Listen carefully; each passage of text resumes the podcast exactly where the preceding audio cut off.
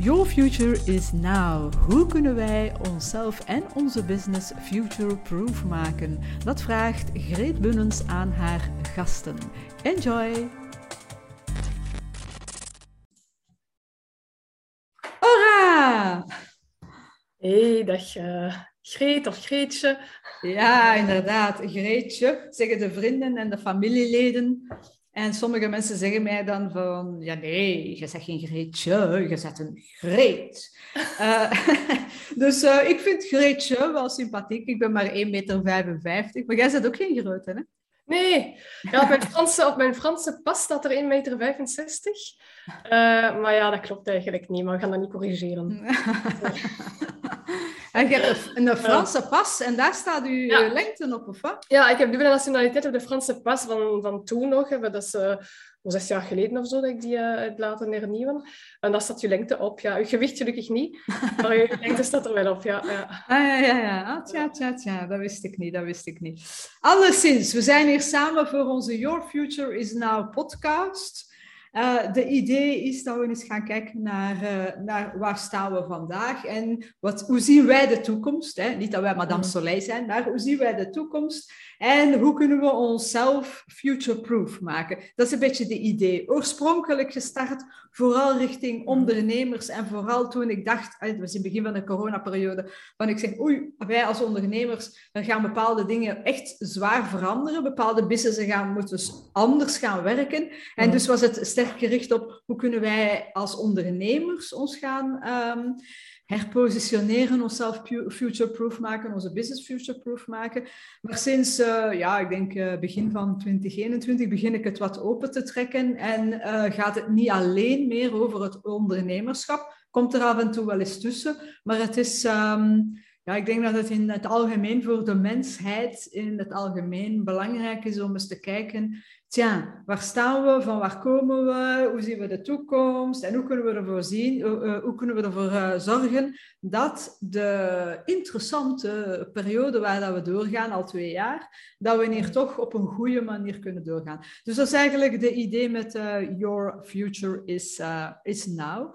En ik ben ontzettend blij dat jij hierbij bij bent. Heb jij Merci er, om mij uit te nodigen. Ik heb er zin in. Ja, ja, ja. Ja, ja. ja, ja. Na een uh, ja, paar lange werkdagen, dat va nog. Ik denk dat mijn hoofd functioneert. Ja. voilà, kijk. Hè. Dus uh, moet kunnen, moet kunnen. Voilà. Dus uh, ik ga beginnen altijd, of meestal, laat ik het zo zeggen, met een, een onnozele vraag die uit de kletspot komt. En dat kan van alles zijn. Soms zijn daar toch diepere vragen en soms zijn het werkelijk heel onnozele vragen. Dus ik ga uh, hier doorgaan en jij zegt stop en dan pakken we een kaartje. Stop.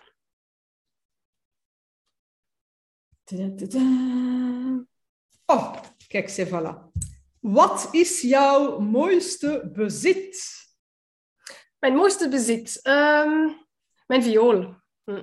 Die die daarachter staat? Nee, dat is een oude viool. Dat is eigenlijk de eerste viool. Ik heb die gekregen van mijn oma, uh, jaren geleden, als, als 19-jarige, uh, 9-jarige, sorry. Um, dat was eigenlijk een, een decoratieviool, dus het geluid dat eruit kwam, dat was kattengejank. Maar ik heb toch, ik heb toch doorgebeten en uh, ik heb vooral veel op gehoor gespeeld. Uh, maar dan heb ik een, een ander viool cadeau gekregen van mijn ouders. Um, en ik ben altijd wel blijven spelen, vooral op gehoord, totdat ik dan de beslissing nam van, hey, ga eens naar de muziekschool gaan. En dat was een heel goed viool. Um, Dus dat is eigenlijk op dit moment mijn, uh, ja, mijn belangrijkste bezit, mijn, uh, ja, mijn duurste bezit. En waarom is dat zo uw mooiste of belangrijkste of duurste, allez, mooiste of belangrijkste bezit? Ja, um, ja, dat is vaak de vraag dat ik mezelf ook stel. Moest ik, moeten, moest ik, moest ik vluchten? Van een dag op de andere, wat zou ik dan meenemen? En dat viool zit er toch altijd wel, wel tussen ja, dat is creativiteit. Dat is, uh, ja, wat zouden we doen zonder cultuur, hè? Uh, zonder muziek? Wat zouden we doen? We zouden die coronaperiode niet hebben overleefd, denk ik, zonder muziek. Hè? Met je viool kun je natuurlijk zelf muziek maken, uh, muziek naspelen, maar ook zelf maken. En, ja, het is een, een, moeilijk instrument, maar ook wel een heel tof instrument. Ja. Mm. Doe mij een beetje denken, omdat je dat nu zo zegt van, uh, ja, hè, wat als ik moet vluchten? Dat was toch zo, is dat niet zo bij de Titanic of bij die scheepsrampen? Zo, hè? Eén, hè, de muziekband bleef, bleef spelen, spelen. En uh, anderzijds, uh, ja, dat die of dat in een film? I, I can't remember. Maar dus dat, dat, dat, er iemand toch absoluut zijn viool wilde meenemen. Hè? Van alles dat je kan meenemen, toch de viool. Ja, ja. ja omdat dat vaak iets is dat je, waar dat je veel mee, mee kunt doen. En je, je, je kunt dat niet zomaar betalen. En als je een goede viool hebt, dat, daar steekt toch wel uh, ja, wat budget in. Ja. Um, ja.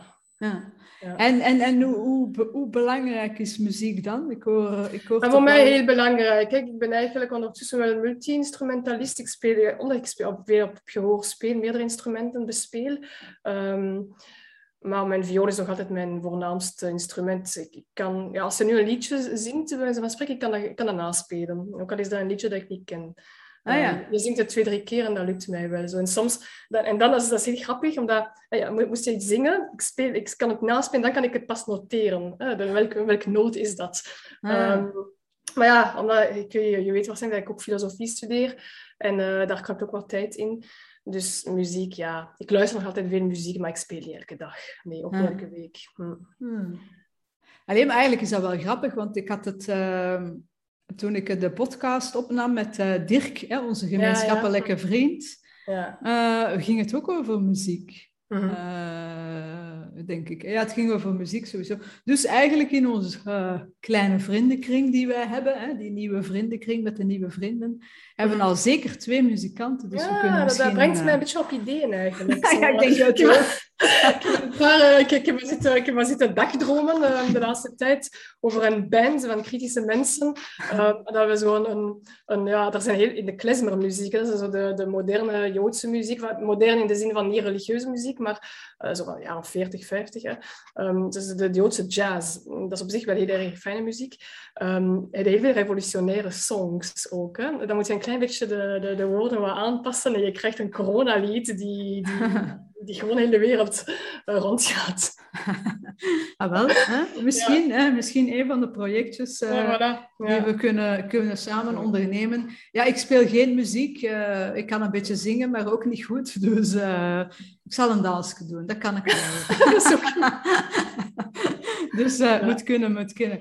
Zeg, en ehm, Ora, wij... Um, ik heb u, jij bent op mijn pad gekomen eh, een aantal maanden geleden, denk ik.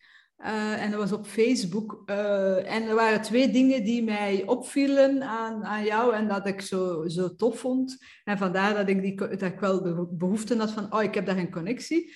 Uh -huh. Dat is uh, enerzijds ehm, humor ik vind dat je heel grappig bent, ook grappige dingen zegt ook. En uh, anderzijds uh, die kritische blik. Hè? Uh, ja, maar een intelligente kritische blik, want je hebt kritisch en kritisch. Hè? Um, en ik wil het graag hebben over, over, over uw kritische blik en hoe dat, dat ontstaan is. Maar daarvoor wil ik het ook eens even hebben over de humor. Ja, hoe belangrijk is humor in uw leven? humor is heel simpel. Hè? Humor, is, um, humor, is zoals, humor is zoals ruitenwissers van een auto. Ja, dat stopt de regen niet. Maar dat, dat geeft je wel de, de mogelijkheid om, om vooruit te kunnen gaan. Dus ja. dat, dat, dat, dat, vat het voor mij Dat is lang mijn levenscoach geweest. Ah ja? Dat is zo belangrijk, ja. Ah. ja. En ik denk dat dat alles zegt. Ja, ja absoluut, absoluut. Dat is een, uh, een interessante quote, ja.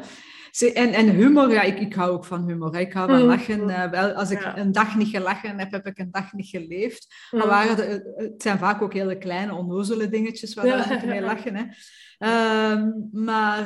Um, Vind jij dat we met alles kunnen lachen? Want soms krijg ik zo die vraag, ja, maar ja, of uh, dat is niet gepast. Hè? Or, ja, ja. Wat vind jij daarvan? Ja, ik ben Joods, hè.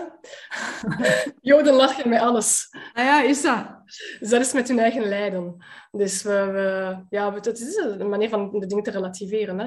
Nu, ik maak wel een verschil tussen, tussen humor en spot. Vanaf het moment dat, dat mensen zeggen van ik heb er last van, dan is dat spot, dan moet je ermee stoppen.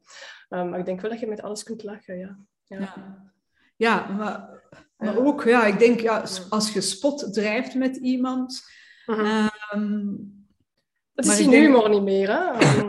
Nee, dus om, iemand, geen... om iemand belachelijk te maken, dat is geen humor niet meer. Humor relativeert. Ja. ja. nee, nee, iemand belachelijk maken, dat is inderdaad niet oké. Okay. Maar het is ook wel uh, soms Soms zijn mensen ook een beetje gepikeerd voor, uh, voor bijvoorbeeld bij sarcastisch of zeer droge humor. Ja. En dat ze dan uh, op hun tenen getrapt zijn. terwijl dat niet spot is. Hm? Ja. Dus het hangt natuurlijk ook af van de ontvanger, hè? de verzender enerzijds, Mhm. wie vertelt hem op, in welke, op welke manier enzovoort. En maar Mhm. anderzijds ook de, de, de ontvanger. Hè? Eh, Ja, ja, dus, ja. eh, perception is reality. Eh, twee mensen kunnen, op, kunnen naar dezelfde mop luisteren. Of, of Mhm. Grap, grap, mop. Het moeten geen moppen zijn, want ik hou eigenlijk niet van typische moppen. Maar goed, Ja. in een situatie heel grappig. En de ene gaat dan heel erg eh, op zijn tenen getrapt zijn. En de andere gaat zeggen van, wauw, dit is, dit is toch helemaal niet. Dus dat is Ja, ja, ja, ja, ja. Dus waar is... Ja, eh, ja. Dat is een beetje het verschil ook tussen, tussen vertelde, vertelde humor, eh, vertelde, vertelde grappen en geschreven humor. De, de intentie is, is denk ik gemakkelijker zichtbaar of ehm, eh, ja, gemakkelijker zichtbaar als je een mop vertelt. Wanneer dat je het leest, je, je hebt de in- intonatie niet mee, je kent misschien de persoon niet, dus dat kan het verkeerde overkomen. ja, Maar ik denk als, als de intentie juist zit, dat er eigenlijk geen, eh, geen limiet is. ja. Hm. Ja. ja, ik vind ook dat je Ja. alles kunt, moet kunnen lachen, eh, Mhm. zolang dat je inderdaad, ja, inderdaad niet de spot Ja. drijft. Hè. Maar ik moet wel toegeven dat ik soms ook denk van, ja, zou ik dit nu wel posten? Of niet? Ja, ja dat is, dat is Ja. geschreven humor. Geschreven humor natuurlijk is iets anders. Hè. Je- je- Ja, ja. Ik ben heel sarcastisch en dat wordt me niet altijd in dank afgenomen. Mhm. ja wel, ik, ik heb dat ook. Dus, eh, dus ja. voilà, kijk, hè, daarmee waarschijnlijk dat wij elkaar zo grappig vinden. zeg, en, eh, ja, dus het tweede ding is zo dat, eh, die kritische blik. Ehm, dus eh, jij schrijft wel eh, regelmatig stukken op, eh allee, stukjes op ehm, onder andere Facebook, maar op verschillende plaatsen, waarin dat je echt wel kritisch uit de, de hoek komt met betrekking tot eh, het hele, eh, onder andere corona-festival en deze hele tijdperk eh, waar dat we in, in leven. Ehm, wanneer zijn we daar eigenlijk mee begonnen? Wanneer is het moment geweest dat je gezegd hebt van ja, nu moet ik in mijn pen kruipen en nu moet ik even iets schrijven? Ja. Nu, ik schrijf altijd, hè, regelmatig. Ik publiceer niet alles, maar ik schrijf heel graag. Ik heb altijd ook een klein groen boekje op zak. Dat ik zo, als ik aan iets denk, dan schrijven. Men vertelt over Mozart of Beethoven, Beethoven denk ik eerder, dat hij eh, ook ve- veel schreef. En die deed dat op bankbiljetten. Ik dacht, ja, dat kan ik me niet permitteren, maar oké, een, klein, een klein schriftje is dan ideaal. Ehm, ik ben dan beginnen publiceren op het moment dat ik een gesprek had met ja, eigenlijk Steven Arazola de Oniate was. Die, die zei, Mm. "Oh, maar, maar eigenlijk hebben wij wat te vertellen, waarom doe je dat niet? Aha. Ehm, maar ik wist van, ja, vanaf het moment dat je begint te, te publiceren, dan, dan krijg je meer volgers en dan krijg je berichten en dan moet je die beantwoorden. En ja, dan word je ook veel meer bekeken. Kan ik dat allemaal aan of heb ik nood aan rust? Ik studeer nog, ik werk, eh, ik heb een gezin, maar ik heb een dochter. Dus eh, je, ja, je zit er toch wel een beetje mee voorzichtig. Ja. Eh, maar dan ben ik begonnen, ik heb het gedaan en dat was succesvol. En ik kon dat aan. Ik pakte de, de commentaren ook niet, ook niet persoonlijk als er wat negatieve opmerkingen kwamen. Ik had het gewoon over mij, over mij heen gaan, omdat er meer positieve reacties komen dan negatieve reacties. Ja. Ehm, en de eerste tekst dat ik over die onderwerp, want ik heb eerst een tijdje, eh, ja, ik heb altijd wel quotes of zo, korte tweets ehm, gepost. Eh, de eerste tekst dat ik gepubliceerd heb was in de, in de, ja, in de zomervakantie in het vliegtuig. Ehm, en ik heb een tekst dat, dat ging over eh, het feit, ja, kijk, kijk, ik heb dit al een keer gezien, dit, deze hysterie, deze regelneverij, deze bijna religieuze manier van handelen. Mhm. En dat was toen ik zelf lid was van de, ja, de ultra-orthodoxe Joodse gemeenschap, hè, waar, ik ben, waar ik uit ben gestapt. Ehm, en ik heb die vergelijking gemaakt, een heel korte tekst. En, ehm, en hij is ook geliked geweest door, eh, door een Vlaamse politicus. ik dacht van, wauw, dat is toch wel ver gegaan. Ja. Eh, en dat gaf me de boost om, oké, schrijf gewoon. Ga gewoon verder van geïnspireerd mensen. En het is belangrijk, denk ik, om, om, om niet iedereen kan schrijven. Eh, dat je elkaar ook vindt door, door schrijfsters. eh ja, dus voilà. Ja. ja, ieder zijn ding uiteindelijk. Hè. De ene schrijft, de andere doet eigenlijk als ik die podcast. Zo, Ja, voilà, inderdaad. Ja, ja. Dus, allee, dus we hebben inderdaad onze verschillende dingen. Hm. Zeg, en, want dat is wel interessant. Dus ja, eh, je zegt van... Oké, eh, ik zag een, een, een parallel met, met mijn ervaringen. Vertel, was, welke parallellen zag jij dan? Ja, om te beginnen. Het is een van de meest gesloten gemeenschappen van de stad Antwerpen waar ik ben opgegroeid. Heel veel regels. En dat gaat van ja, hoe moet ik het uitleggen? Zelfs om je schoenen, je schoenen, je schoenen aan te doen, daar bestaat ook een regel rond. Hè? Dus, je schoenen? ja, je schoenen. Dus je moet eerst je rechterschoen aandoen, dan je linkerschoen, en dan de linker, de linker veters vastbinden, en dan de rechter uh, veters vastbinden. Uh, vanuit de redenering van, ja, die dingen doe je sowieso. Dus waarom zou je het niet doen vanuit de wet, dat je dan misschien beloond wordt uh, later in het paradijs? Dus alles is eigenlijk een wet. Um, en dat zorgt ervoor dat er zodanig veel uh, regels zijn dat je moet niet nadenken. Heel je leven is al geprogrammeerd. Je moet niet nadenken om vrienden te maken. Die ontmoet je in de synagoog. Uh, die vrienden die gaan je dan ook uitnodigen op, op een huwelijk of op een verlovingsfeest. Op al die feesten die er dan zijn in de Joodse gemeenschap. Je wordt automatisch uitgenodigd omdat je er lint van bent. Je moet geen moeite doen. Dat komt vanzelf. Um, voor veel mensen, en dat is ook de vraag die ik me vaak gesteld heb, hoe komt het er zo weinig kritische mensen, de kritische massa is nu aan het, aan, het, groeien, hoe komt het, vooral bij het begin, dat er zo weinig mensen kritisch waren ten opzichte van al die coronamaatregelen? Waren er zelf die, die daar een bepaalde deugd in zagen. In de Joodse gemeenschap was gezegd hetzelfde. Regels geven aan heel veel mensen een bepaalde rust. Je kunt het veroorloven om, om los te laten. Alles mhm. wordt voor mij georganiseerd. Het is prachtig ik ben lid van een groter iets. Uh, en ja, die parallel zie ik al sowieso. Hè. Uh, mm ja, ik had het er inderdaad over ja. met, uh, ik denk met Igor, ehm, ja. dat in deze tijden vragen we ons soms af van hoe komt het nu dat mensen ehm, bepaalde zaken niet zien. Hè, of, of, uh, of, of, weet ik veel wat. En toen ging het inderdaad ook over het, uh, het, uh, het, niet nadenken. Zo van, ja, ja um, is het niet Jacques Brel die dat zegt? Ja, ik denk dat Jacques Brel zegt, ik, ik heb een heel groot probleem met domheid. Maar hij bedoelt domheid niet nadenken. Want als je niet nadenkt, dan, dan ben je eigenlijk lui. Want zeker in deze tijd nog meer dan in zijn tijd, je hebt internet. Je moet alleen maar googlen en je hebt antwoorden. Mm ik, ik moet niet googlen op, op de, de, de, de grootste complotsites, maar ja, G-Store, uh, uh, ik bedoel zo, Great Barrington Declaration of zo. Van, er zijn, er zijn kei interessante studies gepubliceerd, ook met een kritische stem. Um, ja, zoek het op. Mm -hmm. waarom, waarom doe je dat niet? Dus ik denk dat heel veel mensen er alles aan te winnen hebben om regels te volgen. Omdat het, dat geeft een goed gevoel. Je bent een solidaire burger, je bent een goede burger, je doet, je doet je plicht. We gaan misschien niet naar het paradijs, want religie bestaat niet meer voor de meeste mensen, maar we hebben een nieuw groot verhaal uh, geschreven. Het mm -hmm. COVID-verhaal, waar dat je deel uitmaakt van een, van een groter geheel. Mm -hmm. Ik zie daar een heel groot parallel tussen dit en het, de religie. Mm -hmm. Ook met die religieuze leiders, hè, dat is ook exact hetzelfde. Die, je vraagt het aan hem, hij geeft antwoord, hij heeft alle antwoorden. Mm ja. Maar je hebt dan natuurlijk wel dat mensen, uh, allez, en pas op, hebben met alle respect voor alle mensen, hè, we willen hier niemand uh, voor mm het hoofd stoten. Het is eerder uit een soort van uh, onderzoeksmindset dat we eens kijken naar, ja, hoe komt het dat bepaalde mensen dit doen en andere mensen uh, dat doen. En uh, mogelijk bestaat er ook een, er, ergens een podcast die het, uh, die het heeft over uh, Ora en Greet. En dat ze zich afvragen, ja, waarom, ja. waarom zijn die nu zo, zo raar? Ja. Maar, ja, maar het is inderdaad een stukje... Um, een beetje een... Het, het, zou kunnen. Ik ga niet zeggen dat het zo is, want what do I know? Maar misschien mm. is het inderdaad een stukje intellectuele luiheid ook. Hmm. Uh, Oké, okay, niet, niet moeten nadenken. Het zal wel juist zijn. Het niet echt een vraag stellen. En dan ook uh, uw, uw leiders. Hè? Dus uh, in, in ons geval bijvoorbeeld de regeringsleiders of de beleidsmakers of de virologen die we zien op de, op de, op de tv.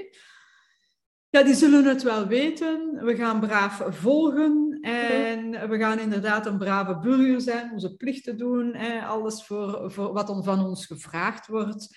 En dan gaan we misschien inderdaad niet naar het paradijs, maar dan misschien wel naar onze vrijheid. Voilà. Ja, plus, ik denk ook dat het gevoel van, van het zich te kunnen veroorloven om los te laten ook heel erg meespeelt. Dat is de reden waarom mensen eh, voor conformisme kiezen. Ik laat het los. Iemand zal het voor mij wel uitzoeken. Ik moet het niet doen, ik heb dat zo aan mijn hoofd. Hmm. Ja. Ja. ja. Dat, is wat, dat is wat, wat religie zo aantrekkelijk maakt. Mm ja. ja. Dus inderdaad, ja, oké, laat ons dan maar die leider volgen. Want dat, dat zie ik ook soms bij mensen. Mhm. Dat ze dan... Uh, een aantal mensen die nu wel kritisch nadenken en zien van, ah ja, oké, het een en het ander uh, klopt niet. En dan heb je mensen sorry, die opstaan, gelijk een Steven uh, Arazola of een Vincent van de Putten of weet ik veel, mhm. die, die dan ergens een, een, een, een positie innemen en een, een, standpunt meegeven of die, die de dingen wat verduidelijken.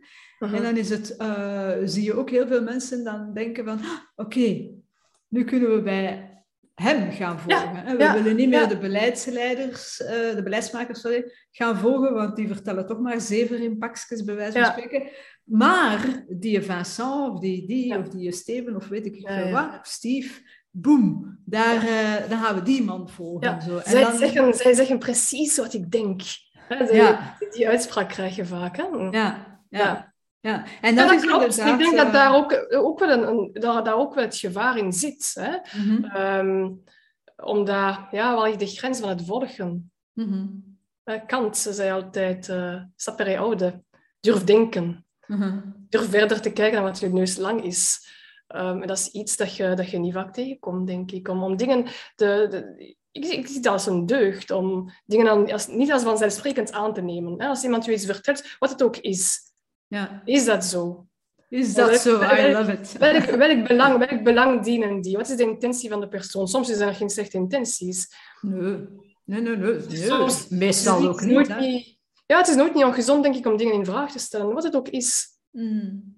Het is natuurlijk wel zo als je iemand bent die graag controle op de situatie heeft. En misschien een beetje volgens... Uh, ik weet niet of je ooit het boek hebt gelezen van uh, Carol Dweck over uh, mindset. Uh, Zij heeft, is een professor en zij heeft een studie gemaakt naar mindset. En twee, twee soorten van mindset. En uiteraard is het niet zwart-wit, dat is altijd een grijze zone.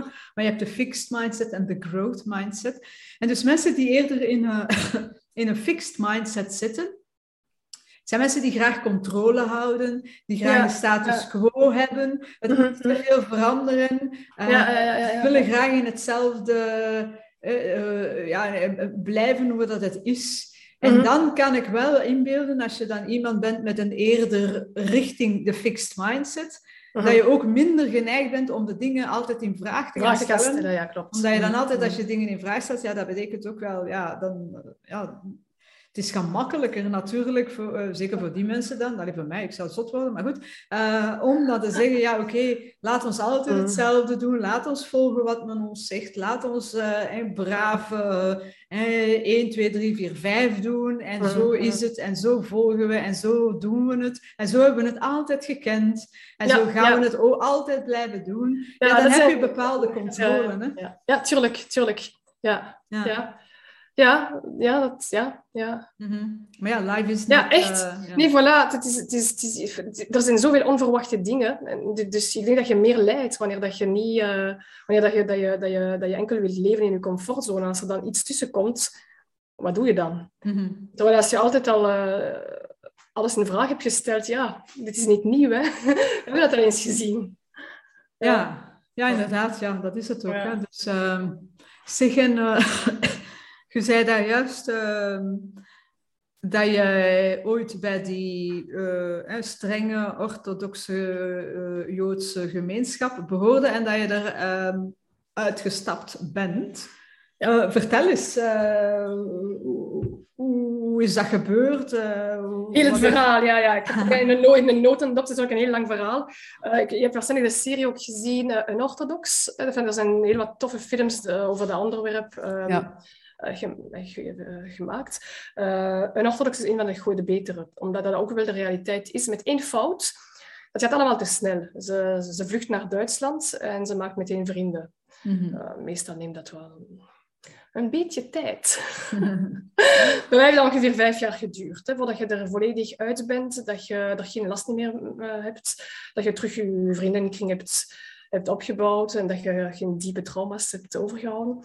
Maar je kunt dat niet onderschatten. Want eigenlijk, als je eruit stapt van zo'n gemeenschap, ben je een vreemdeling in eigen land. Je bent er altijd in opgegroeid, in, België. Maar je spreekt de taal amper. Uh, je hebt geen diploma. Uh, je hebt een, een, gigantische schrik van de buitenwereld. Ja, waarom? Je bent opgegroeid met uh, de visie dat ja, de buitenwereld is ofwel antisemiet, die willen je vernietigen, ofwel gaan ze je assimileren. dus ze gaan sowieso je identiteit vernietigen. Mm je stapt eruit en ziet, ja, mensen vallen eigenlijk wel goed mee. Maar zelfs, zelfs daarin ben je erin voorbereid, want ja, die vallen goed mee, ja, dat is eigenlijk allemaal assimilatie dat die, dat die willen. Mm -hmm. ja, ik heb nooit op café gezeten, je bent nooit naar de cinema geweest, dus het is allemaal nieuw. Je hebt nooit een broek gedragen. ja, de eerste keer dat ik een broek droeg, dat was uh, chockerend. Oei, ik ben dan ik, ik voel dat, ja, dat is allemaal bizar. Um, ja, ik was ook uitgehuwelijkd geweest, dus ik droeg een pruik.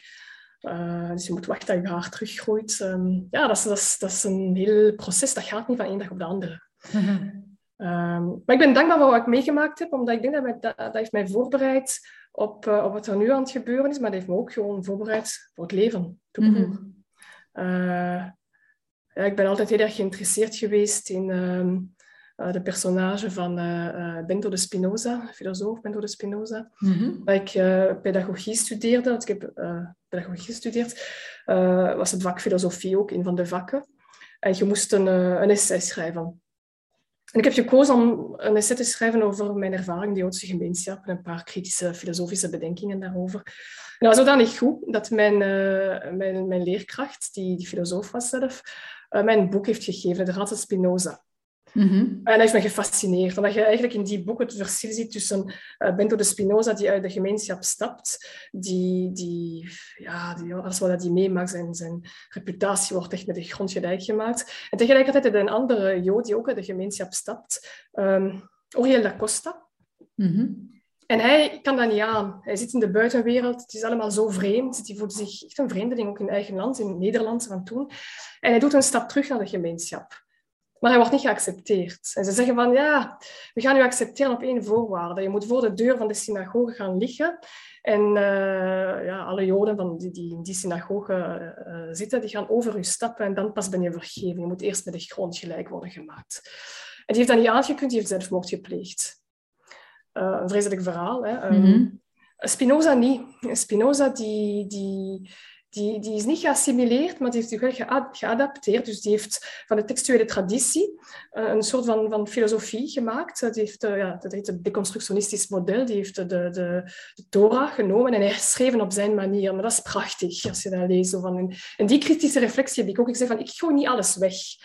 Ik ben, ik ben niet religieus, um, maar ik heb wel iets gehad met textuele traditie, de, de verhalen die er zijn. Een textuele traditie kan een waarheid inhouden die er geen is. En dat kan, dat kan waardevolle lessen uh, met zich meebrengen zonder de waarheid te zijn. Hè. Uh, dus voilà. Zoals? Oh, zoals uh, een verhaal die mij heel erg altijd geboeid heeft um, en die ik in vraag heb gesteld, ook als, als puber. En dat, werd mij toen in dank afgenomen van, Ora, wat ben je aan het vertellen? Jij, um, uh, het verhaal van... Wacht, hè. Um, Isaac. Dus uh, Abraham en Sarah die hadden een zoon, Isaac. En Abraham was, volgens de textuele traditie, de eerste die God enfin, het monotheïsme uh, erkende. Um, en uh, hij, hij, dwaalde rond en hij vertelde aan de bevolking van ja, mensen, je mocht je kinderen niet opofferen, niet offeren hè, voor, voor, voor, God. Onze God die wil dat niet. Dus je zou eigenlijk de, Jood, de Joodse God, de God van Abraham, moeten, moeten eren, want hij verwacht dat niet. Mm -hmm. Dan vertelde Torah, ja, maar uh, Abraham was zodanig gelovig dat op de dag dat God aan hem gevraagd heeft om zijn zoon op te offeren, dat hij geen vragen heeft gesteld en hij heeft dat meteen gedaan. Mm -hmm. Gelukkig kwam er een engel uh, tussen beiden en heeft die tegengehouden. En dat is, ja, wauw, zie je? Abraham stelt geen vragen, want als God het zegt, dan moet je geen vragen stellen. En ik heb, ik heb toen de bedenking gemaakt van, ja, maar misschien, misschien was die fout. Want wie zegt jou dat het God was die tegen hem sprak en niet de Satan? Mm-hmm. Hoe kon je zo zeker zijn? Mm-hmm. Als het zo zeker is dat God dat niet verwacht, waarom, waarom ga je dat doen als je denkt dat hij dat wel verwacht? Mm-hmm. Oh, dat mag je niet in vraag stellen. Zeg maar, ik stel altijd verhalen wel in vraag. Ik stel, in vraag. Ik stel alles in vraag. Ik stel altijd verhalen in vraag. Ja, inderdaad. Uh, allee, ik denk dat dat goed is. Hè. Ik denk dat dat een van de, hè, naast, uh, naast dus humor, dat dat inderdaad een van de zaken is die, uh, die ons verbindt. Ehm, en wat natuurlijk ook wel frappant is, met dat ik nu zo luister naar uw verhalen, Ehm, dat is dat wij vandaag in een, in een tijdperk beland zijn waarin ehm, het niet zozeer uh, godsdienst is, het katholicisme of protestantisme of mm. het jodendom, whatever ze van nemen, maar dan hier in, in, in allee, bijvoorbeeld als ik kijk naar de, de Belgische bevolking, is dat vooral het katholieke uh, geloof. Dat is uiteindelijk wat talende, uh, maar is eigenlijk, die plaats is voor een stuk voor een groot stuk precies ingenomen, lijkt het, hè, kan dat mhm. verkeerd zijn, door de wetenschap. Ja, het is wetenschapsideologie, hè? dat is niet wetenschap. Want wetenschap duldt tegenspraak en de wetenschap waar we nu te maken hebben, dat is, duldt geen wetenschap, dus het is geen mhm. wetenschap, het is propaganda. Mhm. Nu, eh, ik ben bezig aan een tekst. Ik moest die eigenlijk al, al uh, inleveren nog een tijdje geleden, maar ik ben altijd te laat, want ik studeer op mijn ritme. dus ik dien zo alle dingen dan, dan in en nog. Als ze zeggen, ja, hey, je moet het tegen dan is. Ja, dat, dat, gaat niet. ik ben dan af en dan dien ik dat in augustus of tweede zit en dan heb ik iets meer tijd en ik, ik schrijf wanneer dat ik gaatjes heb, want anders lukt dat niet. Maar dat gaat daarover. Dat gaat over het, het feit dat we... Ehm, ja, dat is een beetje een grappig woordje, maar we zijn, we zijn vandaag de dag onttoverd. We, we hebben, er zijn geen grote verhalen meer. De grote verhalen zijn uitverteld. Dus al de verhalen die ons, ons vroeger uh, verbond. Want ja, je, je, kijkt heel ver terug in de geschiedenis. Hè. Mensen die, die rond een vuur zitten, wat gebeurt er rond een vuur? Er worden verhalen verteld en dat verbindt. Um, en dan, hoe groter dat die bevolkingsgroep werd, hoe universeler de verhalen werden. Hè. En dan creëerde een religie. Maar ja, we zijn verlicht. Mm -hmm. Sinds de verlichting geloven we niet meer in, die, in al die verhalen in de religie. Mm -hmm. Maar dan, dat creëert een soort van nihilisme. Hè. We, we, we, weten niet meer waar we naartoe gaan, waar, welke waarden en normen er zijn. Uh, we moeten het allemaal zelf gaan uitvinden. Dan creëert we eigenlijk enerzijds een, een extreem individualisme. Uh, langs de andere kant denk ik dat mensen continu op zoek zullen gaan naar die verhalen. Mm -hmm. Er is een, een, een, denker die het over heeft, heeft die, uh, Joas heet die. Uh, en hij zei van ja, en dat probleem van nihilisme, van het feit dat we onttoverd zijn, heeft ervoor gezorgd dat het nazisme zo populair was. Waarom? Dat was weer een, een, een seculiere religie, volgens hem. Een seculiere religie um, die alle oplossingen ging bieden. Um, en dan heb je zo'n hele populaire filosoof, um, Heidegger, die bij het begin van, van het nazisme veel sympathie heeft getoond in het nazisme. Dus dan denk je, hoe kan dat? Zo'n slimme, zo'n slimme man. Het zag er niet vreselijk uit bij het begin. Dat was precies de oplossing voor alles. En bij het begin van het nazisme ging het niet over mensen uitmoorden. Dat was een ideologie die kwam zei van, ik ga alle oplossingen bieden. Mm-hmm. Ik denk dat juist door het feit dat we zo onttoverd zijn, dat er geen grote verhalen meer zijn, dat we, dat we die, in die valkuilen zouden kunnen trappen, van ja, een COVID-hysterie-verhaal te gaan aanhangen. we, zijn, we zijn ondertussen zo ver gekomen dat we het absoluut normaal vinden om mensen te gaan uitstuiten. En nog meer, mhm. als je zegt van, oh, maar dat is discriminatie. Nee, nee, dat is geen discriminatie, dat is solidariteit. Mhm. Ja, het is altijd zwart-wit, ze draaien alles om. Hè. Ja, ehm, maar dus, ja, om even terug te keren, zo, dus uh, inderdaad, je hebt, hè, je hebt het dan de, de wetenschap. Uh, uh-huh. ja, de, dat bestaat ook niet echt, maar gewoon, normaal gezien, volgens de, de, de basisfilosofie van de wetenschap, nu ik ben geen wetenschapper, hè, maar goed, uh, gaat het inderdaad, ja, these, antithese, synthese, dus dat we elkaar mogen tegenspreken, dat we mogen de dingen die de ene zegt in vraag stellen, niet zelfs niet alleen ja. mogen, maar, maar bijna moeten. Moeten! Omdat op die manier ga je dus uh, evolueren. Uh, maar het is inderdaad wel zo dat we de laatste paar honderd jaar, uh, 100, 200 jaar zeker, dat we inderdaad veel meer afgestapt zijn van de religie, namelijk de godsdienst, om het dan zo te noemen. En dan zoeken we, dan zoeken we wel iets anders om, om, om, om aan te hangen. En dan heb ja. je bijvoorbeeld ja. de wetenschap dat heel erg sterk naar voren is, uh, is geduwd en waarvan dat je soms het gevoel krijgt van wow, dit is hier uh, de, de, nieuwe weten, uh, de nieuwe godsdienst. -huh. Maar wel is belangrijk daar, wat dat we moeten voor oppassen, dat is natuurlijk uh, net zoals bij de godsdienst en het verhaal dat je ook daar aangaf van Abraham en God. Ja, was dat wel God die dat zei? Ja. Um, en dat je, uh, ja, je mocht dat niet in vraag stellen. Of, uh, wat, Ja, nee, het is wel belangrijk dat je nog altijd de dingen in, in vraag gaat stellen. Zowel, zowel naar de ja. godsdienst, denk ik, als naar de wetenschap toe. En dat zien we vandaag nu wel heel, heel erg. En dat zijn toch ook een aantal zaken die bij mij wat alarmbelletjes zijn doen, hebben doen afgaan. Mhm. Dat is dat je de dingen, uh, jij en ik die zo graag zeggen, is dat zo? En de dingen in mhm. vraag stellen, plots mag dat over heel wat zaken niet en is er heel veel censuur. En dat is natuurlijk wel een heel gevaarlijk uh, precedent misschien. Mhm.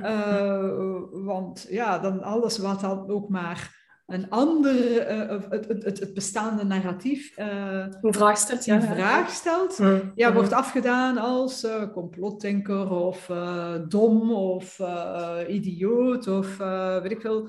en, en dat is natuurlijk wel een, een gevaarlijk, gevaarlijk gegeven dat we in het verleden, in, in, de, in de geschiedenis ook al hebben zien terugkomen, zowel in godsdiensten als in, uh, in, in politieke, als ik dat moet zoeken, hè, politieke stelsels. Zoals inderdaad, wat je zegt, het nazisme. Hè?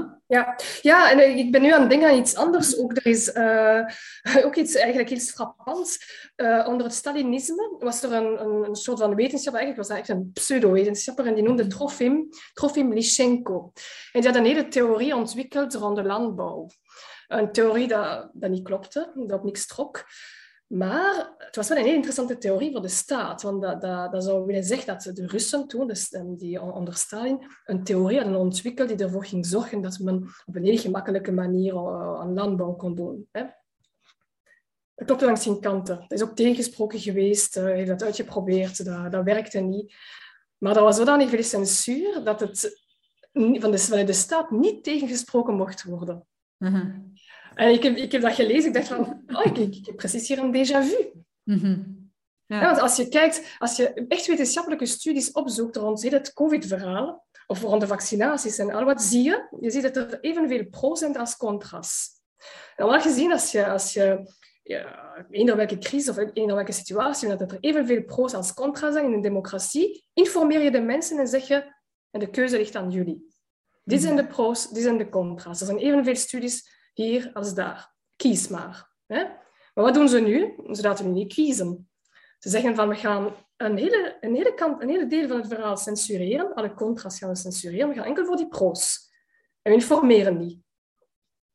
Dus dat is geen wetenschap, het is propaganda. Mm -hmm. Een wetenschapsfilosoof, Karl Popper, die dat ook zei. Hè? Wetenschap, dat is falsificatie. Mm Je moet het kunnen tegenspreken. Als je het niet kunt tegenspreken, is het propaganda. Mm en ik merk ook wanneer ik in gesprek ga met mensen, ik lees ongeveer per week uh, één wetenschappelijke studie um, over van alles eigenlijk. Hè. Mhm. Als ik gesprek ga met mensen die mij dan tegenspreken en zeggen van ja, maar je bent een wetenschappenontkenner of een virusontkenner, zeg ik ja, maar op basis van wat baseer je je om dit te zeggen? Heb je een wetenschappelijke studie gelezen? Nee. Ja, eigenlijk baseer je al je kennis op vage titels van HLN. Mm is het ja. zo moeilijk om in gesprek te gaan. Dat is, dat is het gevaar van propaganda, is dat er uh, een bepaald verhaal wordt gebracht. En dat doet soms denken aan uh, ja, de tweet van Lieven Annemans, uh, Radio de Colin. Mm -hmm. De genocide van Rwanda, dat de pers een heel vieze rol heeft gespeeld daarin.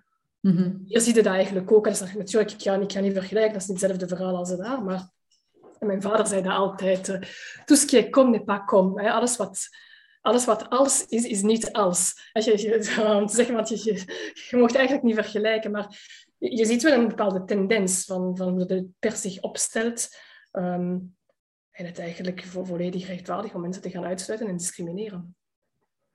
Ja, eigenlijk is dat toch een, eh, een, een gigantisch uh, gek uh, een gekke situatie waarin dat wij beland zijn. Hè. Gek is niet het woord, maar gewoon laat ik het maar gek noemen. Mhm. Ehm, als je zo bekijkt dat, uh, hoe men eigenlijk zonder blikken of blozen een hele groep van mensen sans gêne mhm. gaat uh, discrimineren. Ja.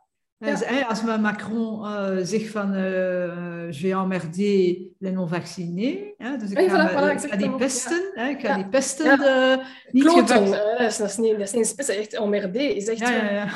Uh, door het strand doen. Hè, dat, dat, is, eigenlijk een serieuze, serieuze beledigend woord. Hè. Dat is niet oké. Okay, ja, ja. Quel emmerdeur. Allee, ja. En voilà, dus, dus dan is het, ja, dan is eigenlijk unbelievable dat um, een president van, uh, van Frankrijk dan uh, op die manier uh, praat over, uh, over een groep van zijn land, dat hij zelf zegt van het zijn eigenlijk geen burgers meer. klopt, klopt. Ja, maar om minder ver te gaan zoeken, kon Rousseau. Ja, ja. Een, socialistische, een socialistische voorzitter. Je denkt van, allee, de socialisten, waar zijn die mee bezig? Mm -hmm. Maar dit is fascisme. Hè. Um, ja, er is een hele theorie daar rond ook. Uh, enfin, dat is een onderwerp die mij heel erg geïnteresseerd heeft in, in deze tijd, waar ik ook wel uh, van plan ben om, om, een tekst daarover te, te, publiceren, over het, waarom dat dit fascisme is. Uh, heel kort ook in een notendop. Um, ja, mensen denken vaak, fa fascisme, we gaan dat zien aankomen. Hè. We hebben dat zoveel gelezen in de geschiedenisboeken, we gaan dat zien aankomen. Het probleem is dat er één um, aspect in het fascisme niet wordt meegegeven, of meerdere aspecten, maar één van de aspecten die niet wordt meegegeven in de geschiedenisboeken, is dat um, het, psychologisch, het psychologisch aspect, wat doet fascisme met een mens? Dus je leest dat, oké, okay, ze, ze hebben verschrikkelijke dingen gedaan, maar er wordt niet uitgelegd hoe het komt dat zoveel mensen, want dat is een gigantisch veel mensen daarin zijn meegegaan. Die, mhm. waren niet, die waren niet anders dan ons. Dat waren geen gemeenerikken. Die waren zoals wij. Mm -hmm. Um, het, de uitleg daarom volgens mij is dat fascisme er niet uitziet als een monster. Het is een fout wanneer je kijkt naar, uh, naar uh, um, Disney-films. Uh, de, de, de stouterik ziet er heel gemeen uit. En dan stellen we ook de vraag van, ja, maar waarom volgt, volgen er zoveel mensen? Je kijkt naar Lord of the Rings. Hè? Mm -hmm. Waarom hebben die zoveel aanhangers? Ze zien er als beesten uit. Niemand wil zoiets volgen. Hoe kan dat nu? Maar in het dagdagelijks leven ziet fascisme er niet verwerpelijk uit. -hmm. Tegendeel, als je kijkt in een spiegel van het fascisme, dan, uh, dan zie je jezelf honderd keer mooier en knapper dan wat je echt bent. Al je valken verdwijnen. Mm -hmm. um, ja, er zijn een paar uh, misschien uh, wat chockerende voorbeelden daar rond. Um, uh, Klaus Barbie, dat was de, de, de, baas van de Gestapo in Lyon. Een gruwelijke man die mensen heeft vermoord met zijn eigen handen. Op een vreselijke manier. En die is gevlucht na de oorlog, ik denk in Argentinië, ik ben niet zeker. En die is gearresteerd geweest in, in 1980, de jaren 80. En is berecht geweest in, in Lyon. En zijn psychiater die hem, die hem uh, ge, ja, bestudeerd heeft of geanalyseerd heeft, uh, schreef in de eerste lijnen van zijn rapport uh, Il est abnormalement normal. Dus op een ongelooflijke manier normaal. Mm -hmm. Dus het kwade, dat komt niet van mensen die, die beesten zijn. Dat komt gewoon van normale mensen. Dit is wat Hannah Arendt ook wil zeggen met... ze heeft de, de oorlog gezien, de Tweede Wereldoorlog gezien. Ze heeft andere fascistische regimes ook bestudeerd. En ze zegt, het, het, gaat vaak om... Ze zegt, niet, ze zegt niet het gaat om het kwaad. Ze zegt het gaat om de banaliteit van het kwaad. Mm -hmm. Het kwaad is iets banaals. is iets dat je soms zelfs niet ziet. En dat ziet er ook heel aantrekkelijk aan.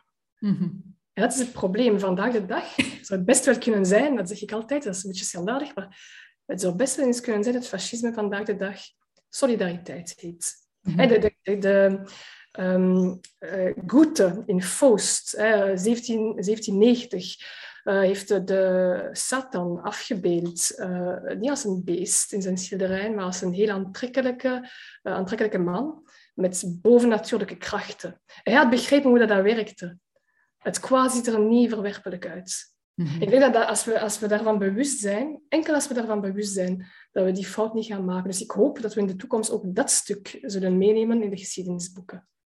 En als je dan, uh, wat ik geloof u helemaal, ik moet dan ook plotseling denken aan Ted Bundy, hè, de, de, de ja. seriemoordenaar, dat was ook een knappe gast, hè, blijkbaar. Ja. Um, ja. Maar, uh, dus die zag er inderdaad helemaal niet vilijn of, uh, mm -hmm. of kwaad of weet ik van wat uit. Maar om even terug te keren naar uw, uw opmerkingen van net, hè, dus je zegt van ja, het is... Uh,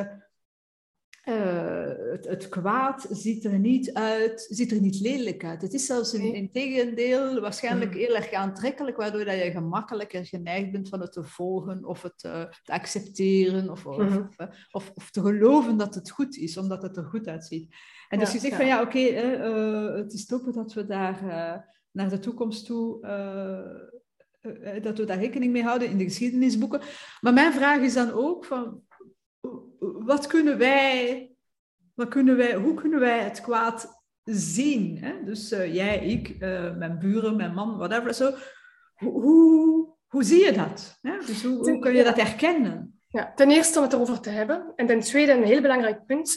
Vanaf het moment dat, dat er een bepaald narratief jou wordt gebracht, hè, dus dat is wat ik noem het, het, het spiegel van het fascisme, die jou mooier afspiegelen wat je echt bent, dat al je valkuilen verdwijnen, dat er ineens morele compromissen worden gestoten, zaken die we nooit zullen geaccepteerd hebben. Ja, discriminatie is discriminatie, laten we het gewoon noemen zoals het is. Maakt niet uit of, of dat, je, dat er nu een virus is of niet. Hè? Mhm. Ehm, dan zou je eigenlijk de vraag, de vraag moeten stellen van, zijn we nog eigenlijk wel goed bezig? Hebben we hier niet te maken met fascisme? Mhm. Het probleem is met mensen, de, de, de, de, de vijanden van de democratie. dat is eigenlijk het, het, het verschil ook tussen fascisme vroeger een, een, een, fascistische dictatuur vroeger, dat ging over uh, zoveel macht concentreren om grondgebieden te kunnen beheren. Hè? Dus degene die de meeste grondgebieden had, dat was de, de grote baas. Daarna ja, wat was er belangrijker dan, dan grondgebieden? Machines. Dus degene die de meeste machines had in een fascistische dictatuur, uh, dat was degene die uh, de macht had. Vandaag de dag draait het niet meer om uh, het beheren van grondgebieden, ook niet rond machines, want er is iets dat nog belangrijker is dan die twee dingen, en dat is het beheren van data. Data, ja. ja, ja. Dat, is, dat, is, dat, is, waarom dat het, het CST of, of QR-codes en pasjes zo gevaarlijk zijn. Hè? Want je, je gaat eigenlijk heel veel macht concentreren op één plek, het gaat over Europese leiders of zo, die alle burgers kunnen controleren. Maar ik heb niet voor die mensen gekozen. Mhm. Maar zij kunnen wel die data beheren. Het probleem met, met zo'n zo'n systeem ook is dat dat speelt in op jouw emotie. Dus, maar die emoties die ontstaan ook niet van nergens. Hè. Angst. Maar van waar, waarom gaan ze angst inzetten? Ja, dat zijn eigenlijk dingen die pre-existentieel pre er al liggen. Hè. En daar wordt daarop ingezet. En daarom dat zoveel mensen daarin meegaan. Door de angst. Mm Maar nu, zo'n zo zo'n systeem, dat gaat, dat, gaat, dat gaat er niet voor zorgen dat je een betere gezondheidszorg krijgt. Ah nee, als ze dat hadden gewild, hadden ze geïnvesteerd in de zorg, maar ze hebben alleen maar zitten besparen in de zorg. Tijdens de pandemie zelf zijn er bedden gesloten. Ja? Mhm. wat, gaat, wat gaat dat wel doen, zo'n zo'n systeem? Dat gaat ervoor zorgen dat wij de leiders sympathiek vinden. Kijk, ze, ze lossen het voor ons op. Dat is de reden waarom we erin trappen. Mhm. Ja, dat is ook een stuk wat Matthias de Smet ook zegt. Uh, en, uh, en dus inderdaad Hannah Arendt. Mm Dat is... Uh, we, we, zijn, we hebben een voedingsbodem waar we met z'n allen niet 100% gelukkig zijn. En, en, ja, ja, maar En dan, op een bepaald moment, we voelen ons een beetje doelloos. En, en, en, en dan plotseling is er iets waar dat we al onze energie naartoe kunnen richten. En zo dat, uh, dat doelloos gevoel, heeft er een naam voor, kan er nu niet opkomen. Hè, we kunnen we plotseling richten naar uh, één, een object, één object gaat één object, inderdaad. van de angst, dat je het object van de angst, inderdaad. En dus destijds was het, uh, het, het, uh, uh, het corona, dus twee jaar geleden was het corona, binnenkort is het klimaat, daarna ja, dat zijn inderdaad zijn, dus ik, ik ja, vermoed dat de buitenaardse wezens... Ja, maar pas op, hè. daarvoor hadden we ook iets anders, want dat is ook misschien een heel interessant punt. Dat, dat ik, ik snap ook soms niet dat mensen die die, die link zien, um, daarvoor was het, het de, de vreemdeling die een gevaar was het terrorisme dat overal Terrorisme, inderdaad. Dat je soms zo'n schrik had om op het terras te zitten, dat je overal soldaten zag. Mm Wat is het doel van zoiets? Maar dus we hebben dat inderdaad in de laatste, uh, ja, de 20e eeuw uh, en 21e eeuw, hebben we wel altijd iets gehad waar, dat er, um, waar dat onze aandacht en angst naartoe ging. Eerste Wereldoorlog, Tweede Wereldoorlog. We hebben dan mhm. de Koude Oorlog gehad en dan was het Rusland. Dat, uh, dingen. En dan hebben we een, een, een, tijdje gehad waar dat alles uh, pijs en vrede was. En dan hadden we gelukkig, hij zal spreken, nou, maar bon. En dan hadden we de torens. ja. de, de, en dan was het uh, vreemdelingen en ook de terroristen. Want ik vraag me soms af. En daarom, dat, dat is ook iets dat ik al anderhalf jaar zeg. Ja. Waar zijn die terroristen? Ja, dus mag ik iets vertellen daarover? Want ik heb eigenlijk een, een, een interessante uh, bedenking ook daarover. Ja? Dat zou eigenlijk ook gegoten mogen worden in een, tekst, in een tekst. Precies over die vraag, waar zijn de terroristen naartoe? Ja. Gaat me niet wijsmaken dat terroristen die te maken hebben met anthrax schrik hebben van covid. Dat kan niet. Nee, hè? Waar zijn ze naartoe? Ja. En dan komen we eigenlijk bij een heel interessant onderwerp. Um, dat is eigenlijk het onderwerp, de positie van Israël en de manier waarop dat het Westen er naar kijkt. Mm Waarom? De staat van Israël is uh, gesticht in 1948. Um, dat heeft voor veel controversie gezorgd. Waarom? Er, er, er leven, leven, daar Arabieren en, en Joden. En um, op dat moment, toen de Engelsen zich terugtrokken, ging het, het land verdeeld worden in twee. Hè? Uiteindelijk is het niet, niet gelukt, omdat de Arabieren zeiden van ja, wij willen het geen, we willen dat niet verdelen. vooral de Arabische landen er rond, want dat ging niet eigenlijk niet over degenen die op het land zelf woonden, maar de, de Arabische landen ervoor. Zeg nee en dan gaan wij dat voor jullie oplossen. Israël heeft de oorlog gewonnen toen. En de stad van Israël is uh, gesticht. En ja, uh, natuurlijk, dat heeft voor controversie gezorgd, want al die Palestijnen die moesten weg. Hè? Mm -hmm. Of vreselijk voor al die gezinnen. En nu sindsdien is het zo wat koude oorlog. Mm -hmm. Nu, wat heel erg interessant is, ik ben, ik ben niet pro-Israël, ook niet pro-Palestina. Ik ben, ik ben vroeger wel extreem pro-Israël geweest, maar uh, op de loop van de tijd heb ik dat ook wel wat genuanceerd. Ook gewoon naartoe te gaan, ook mensen te ontmoeten. Ik denk, uh, het grote probleem in de wereld, dat komt vaak door de politiekers en niet door de bevolking zelf. Hè. Je hebt van mm-hmm. die, die Palestijnen, ook die, hun ouders daar, die daar liggen, begraven liggen, uh, die kunnen die niet zien, die, die zijn hun huis kwijt en al ja, dat zijn allemaal politieke spelletjes. Maar bon, in elk geval... Israël uh, is, ja, is een controlestaat. Hè? Controlestaat, ik ben daar een vijftiental keer geweest. Als je naar de shoppingcenter gaat, er staan soldaten ervoor, de mitraillettes. En die fouilleren nu, die vragen je om de koffer van je auto te openen. Um, er zijn camera's overal. Die hebben overlaatst een, eh, een, een soort van controlesysteem ontwikkeld met camera's. Dat is iets, dat is echt wel uh, George Orwell 1984. Hè? Als je dat zo bekijkt, hoe dat, dat werkt, dat systeem. Um, echt wel Big Brother is watching you. En dat is altijd verantwoord geweest. Dus mensen blijven dat pikken. Waarom? Want ja, terrorisme. Een staat, als, als we dat niet hebben, dan gaat misschien de staat van Israël verdwijnen. En die, die gaan zichzelf ook zo profileren. Hè. Die profileren zich van alles wat we doen is voor de veiligheid. Um, een beetje de slachtofferrollen ook. Um, ja, we worden aangevallen daarom dat we terug gaan aanvallen. Uh, je ziet daar ook zo'n heel zwart-wit denken in heel dat, dat, dat, dat politieke verhaal. Um, en ze profileren ook als de meest ethische leger van heel de wereld. Veel propaganda bij ons. En dus je hebt al die aspecten van extreme controle, dat wordt allemaal gepikt, want veiligheid, want terrorisme en al. Nu, het Westen, hoe reageert het Westen daarop? Hoe heeft het Westen daar altijd op gereageerd? Apartheid. Oké, we gaan dat veroordelen, embargo, etc. etc. Hè? Dat is tot nu toe altijd zo geweest. Mm -hmm. En dan komt COVID. En wat gebeurt er? Wel, al die soldaten met hun Uzi, die worden vervangen door sanitaire bewakers met een thermometer. Dus wat is de conclusie daarvan? Terrorisme, net zoals um, COVID, is een realiteit, hè, dat bestaat. Maar is dat nu zo groot dan wat we willen laten uitschijnen? Mm -hmm. Dat is de vraag die ik stel. Het ja, strafst van al. Het strafst van al. Het strafst van al in dat verhaal. Het Westen, de moraalridders, die altijd met de vinger hebben gewezen. Uh, apartheid, wat gaan die nu doen? Want wat gaat Israël doen? Die gaan, die gaan vanuit exact hetzelfde denkkader. Die gaan overal sanitaire bewakers zetten. Daarna werden zo van die bewakers met PCR-testen. Israël was een van de eerste landen die uh, een zelftest deed voor evenementen. Israël is degene die het, uh, het, het, uh, het groene pasje heeft uitgevonden. Hè? Dat, dat, waren zij, dat waren de uitvinders van het groene pasje, niet China. Israël. Dan heeft Griekenland gevolgd. En dan heeft hij het Westen gevolgd.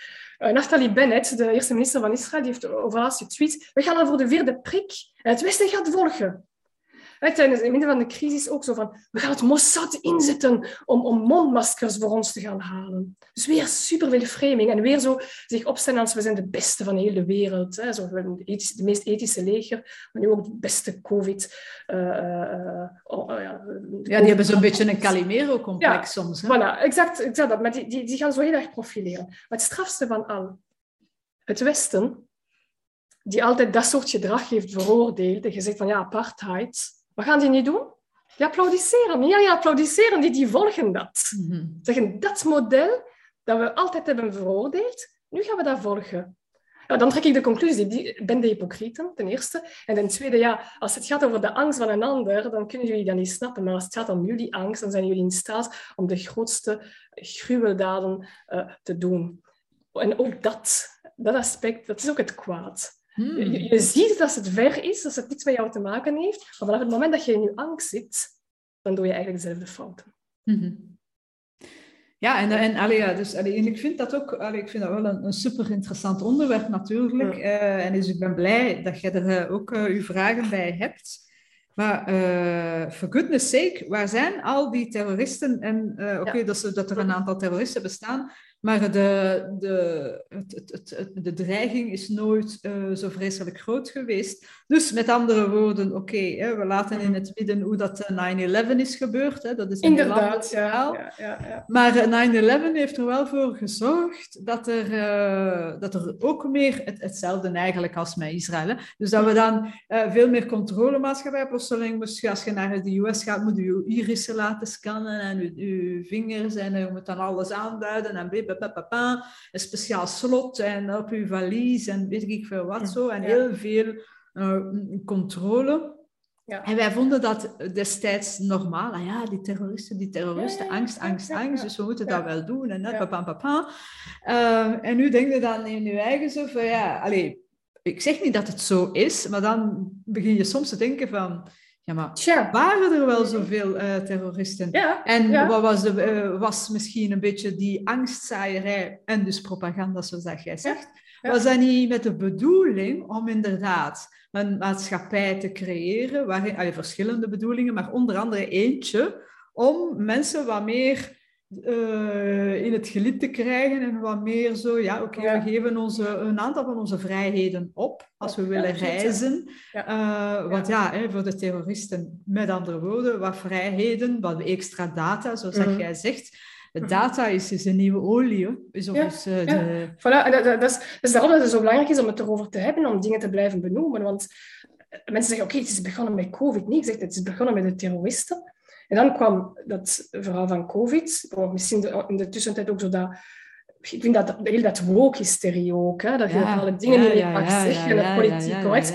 Dat wordt ook een beetje voorbereid van ja, de new language, een beetje van uh, George Orwell. Hè? De dingen dat je mag zeggen, dat je niet mag zeggen, probeer niet. niet je gaat mensen kwetsen, ja, zijn er allemaal pedalen of wat? Je trapt op een teen en je klep gaat open. Ik bedoel, dat is de vraag dat je, dat je je stelt. En dan komt COVID en dan weet je al van, oh, het volgende is dan het milieu.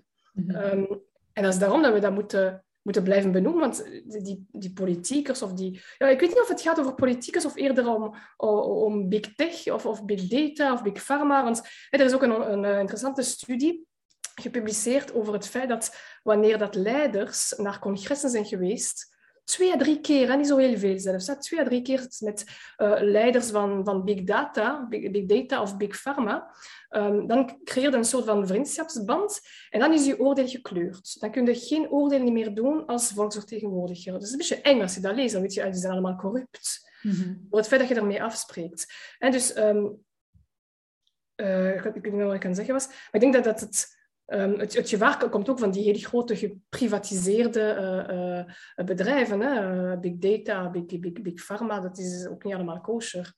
ja, ik denk dat dat een van de grote, heel grote problemen is. Everything is bigger and bigger and bigger. En we mm, zien ook door bijvoorbeeld de, sorry, de de lockdowns uh, de afgelopen twee jaar en de mm. maatregelen en de quarantaine, et Dat en uh, één, twee, de, nu de inflatie die eraan komt, uh, dankzij het overmatig printen van geld en uh, et cetera.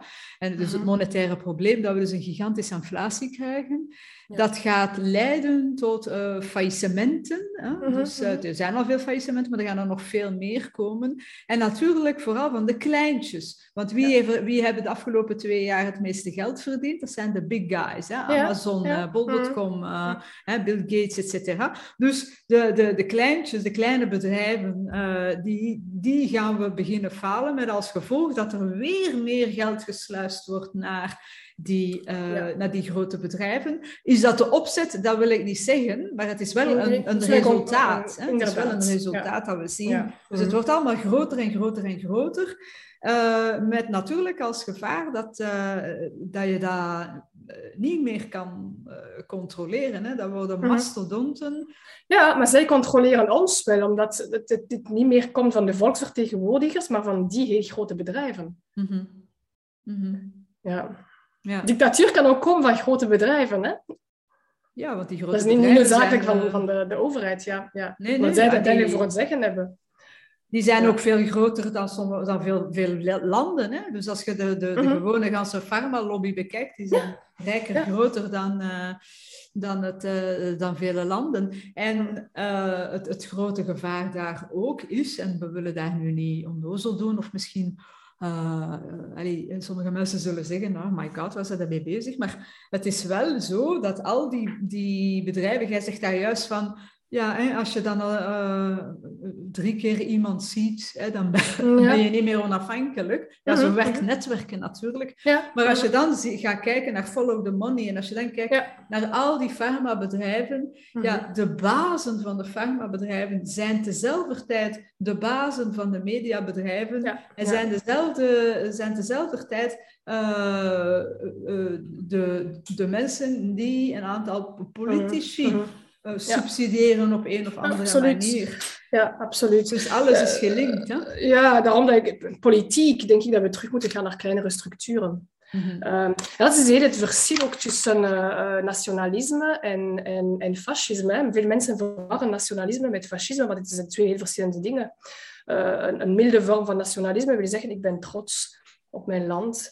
Uh, we leven hier met 11 miljoen uh, onbekenden, maar we komen toch wel overeen dankzij sociale contracten. En sociale contract is eigenlijk, uh, stel dat je een co aan co-hosting doet, hè, om ervoor te zorgen dat er niet iemand de baas gaat spelen of dat er, dat er alleen maar dezelfde altijd de vaas gaat moeten wassen, dan maakt een paar regeltjes onderling. Een sociaal contract Mm Komt op hetzelfde neer, maar in de maatschappij dat je afspraken maakt onderling, uh, hoe dat het moet lopen, dat er, om te voorkomen dat er ene meer macht gaat hebben dan een ander. Hè. Mhm. Ehm, dit is nationalisme en, en je hebt verschillende loyaliteiten naar je familie, naar je, naar uw vrienden, naar uw werk, naar uh, uh, uw partner. Hè.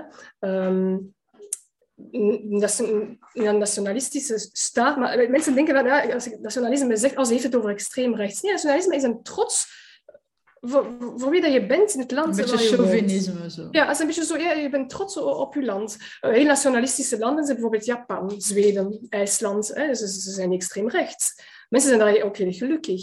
Ze zijn trots op wie dat ze zijn. Mhm. um, uh, mensen zijn verantwoordelijk ook. Ze weten ook, ik draag verantwoordelijkheid naar mijn land toe. Mm Het verschil met fascisme is, fascisme uh, gaat het een problematiek gaan simplifiëren dus, en, ze zeggen van ja, er bestaat nog maar één probleem en dat is het feit dat je het overheidsnarratief moet volgen. Enkel jouw natie is belangrijk. Al uw andere loyaliteiten die verdwijnen. Loyaliteit naar uw oma, die, die heel oud is, wel. Vandaag zegt het overheidsnarratief dat je die niet mag zien. Hm? Dan ga je die niet zien. Uh, je mag alleen maar met drie afspreken thuis. dus je loyaliteit naar uw vrienden toe, dat verdwijnt ook. Um, dus fascisme is een gevaar, nationalisme niet. Fascisme, zeker vandaag de dag, wanneer dat fascisme draagt rond het, het, beheren van data. Dat je eigenlijk superveel macht gaat concentreren in, in, in structuren die, die, die, ja, die al je data kunnen beheren over heel Europa.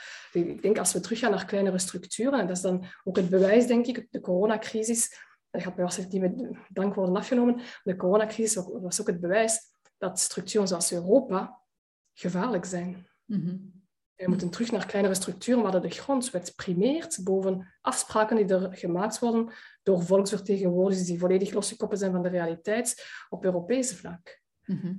En die niet verkozen zijn, inderdaad. En die niet verkozen zijn geweest, ja. ja. Mhm. natuurlijk, eh, wanneer je zegt van ja, nationalisme, hoe zit geen Vlaams belang? Ja, natuurlijk, rond het Vlaams belang zit een, een cordon sanitair. Dus dan denken ze van, wow, daar moeten we geen schrik van hebben. Hè. Nu is het, eh, wie is er nu aan de macht? De liberalen en de socialisten. Dus we moeten geen schrik hebben.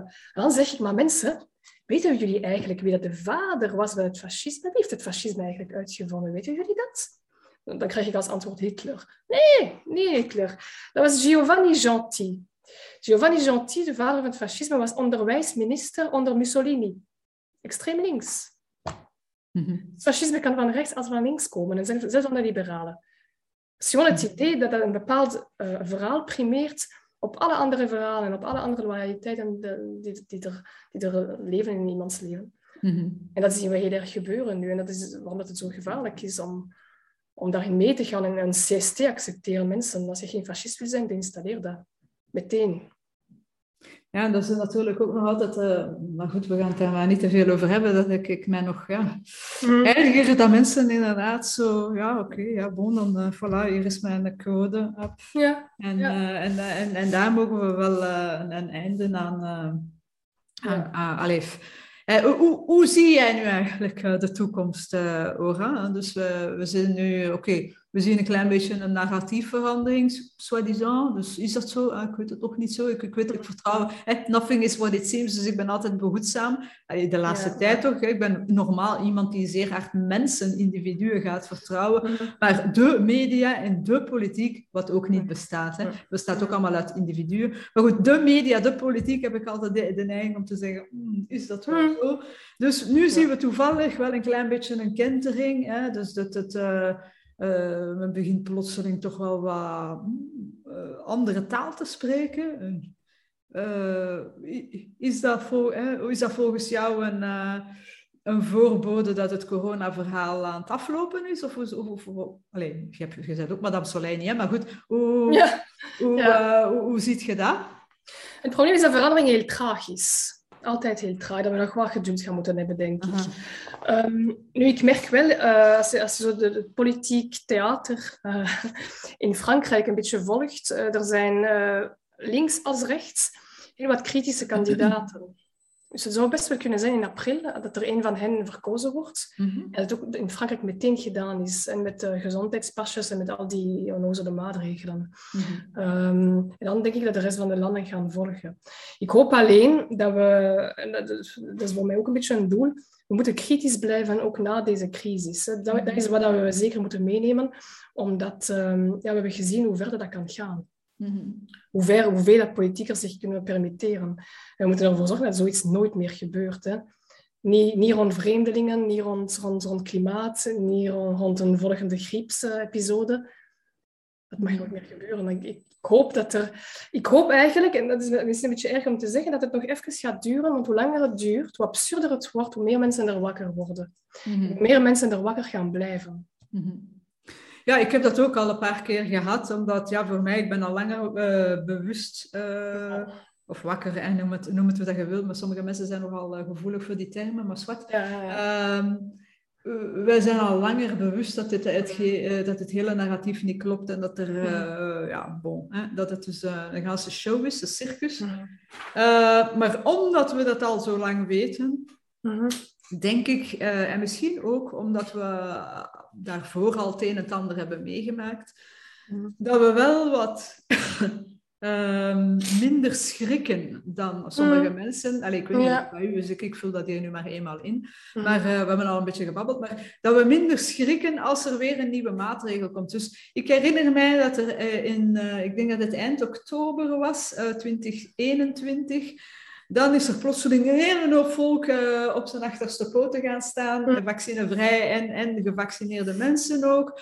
Want uh, ik denk dat het... Uh... Mondmasker bij de kinderen waarschijnlijk. Was dat, was dat? dat? Ja, ik, ja, dat kan. Meer, er was zoiets en wij zagen ja. dat al van lang aankomen. inderdaad. Ja, en dan, dan zeg je, ja, oké, okay, laat maar. Kom, kom nog maar met een onnozele, nog een onnozele maatregel. Hoe absurder, hoe beter. In Absoluut. de hoop inderdaad dat mensen dan beginnen te zeggen van ja, maar mannetjes, deze klopt niet meer. En dat we dan mhm. met een voldoende grote groep zijn om van onderuit die veranderingen te gaan doorvoeren. Ja, ja. en de verandering komt van onderuit. Dat denk ik ook, ja. Dat denk ik ook. Ja. Ja. En daarom moeten, moeten, eh, ook een, een, een interessante uh, opmerking is dat uh, men vaak zegt, ja, als we het over de Tweede Wereldoorlog hebben, la France était résistante. Mm -hmm. La France était pas résistante. Op 40 miljoen Fransen toen Hoeveel zaten er in het verzet? 250.000. Mm En de, de, de, meerderheid van die verzetstrijders zijn pas tegen het einde van de oorlog bijgekomen, als ze wisten dat de Duitsers al weg waren. Mm Dit is wat je nu ook een beetje ziet gebeuren. Dus het conformisme is een heel groot probleem. Ik denk dat de mensen, wanneer dat zo, de bewustwording van mensen, dat neemt heel veel tijd. Hè. Uh, er is ook een boek gepubliceerd over het feit dat um, Frankrijk gecollaboreerd heeft. Dat is een boek... Uh, dat heet 1940, 1945 van de schrijver heet Paxton. Uh, waar, hij eigenlijk stelt van, ja, het is pas in de jaren 70 dat de Fransen zich ervan bewust werden dat ze zwaar gecollaboreerd hadden. Daarvoor dachten we, we waren allemaal helden. Terwijl dat niet was. Ja. Ja. Ja, maar inderdaad, ja, en, de ene mens heeft dat dan nog meer tijd nodig dan de andere mens. Maar we zijn nu al twee jaar uh, ja. bezig, dan denk je van hoe lang kan het nog duren? Zeg man, uh, man lang, ik denk dat het echt lang kan duren. Vijf ja. jaar, ja, dat kan echt wel lang duren. Ja. Ja, ja, Maar ik denk inderdaad dat we, hè, zoals dat we zeggen in, uh, bij ons in het dialect, zo hè, we zijn nog niet aan de nieuwe patatten. Inderdaad, ja. dus er valt nog wel uh, het een en ander te gebeuren. Uh, dus ja, ik zeg ook altijd, ik heb het nog in onze, in onze groep gezegd, uh, in, van ja, we gaan door, door een, een, donkere tunnel en, en gelukkig zijn er wat mensen die voor licht zorgen.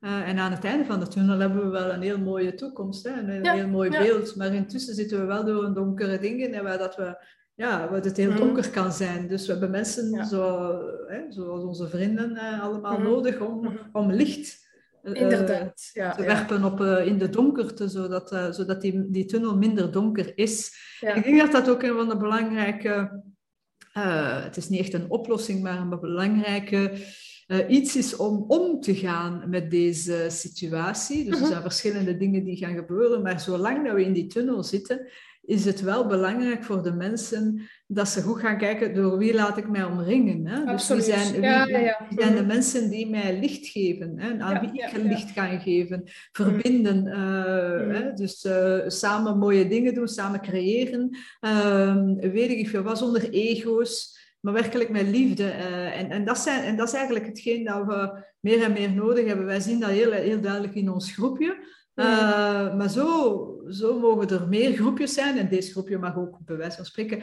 uitbreiden. Hè? Want dat is wel iets dat ervoor gaat zorgen dat mensen op, een, op hun tempo en zonder al te veel schade kunnen bewuster worden. Uh, dat ze tenminste weten van you're not alone. You're not alone. Ja, ja, we exact. zijn om je op te vangen. En uh, we zijn allemaal door dat proces moeten gaan. De ene wat rapper, de andere wat, wat trager.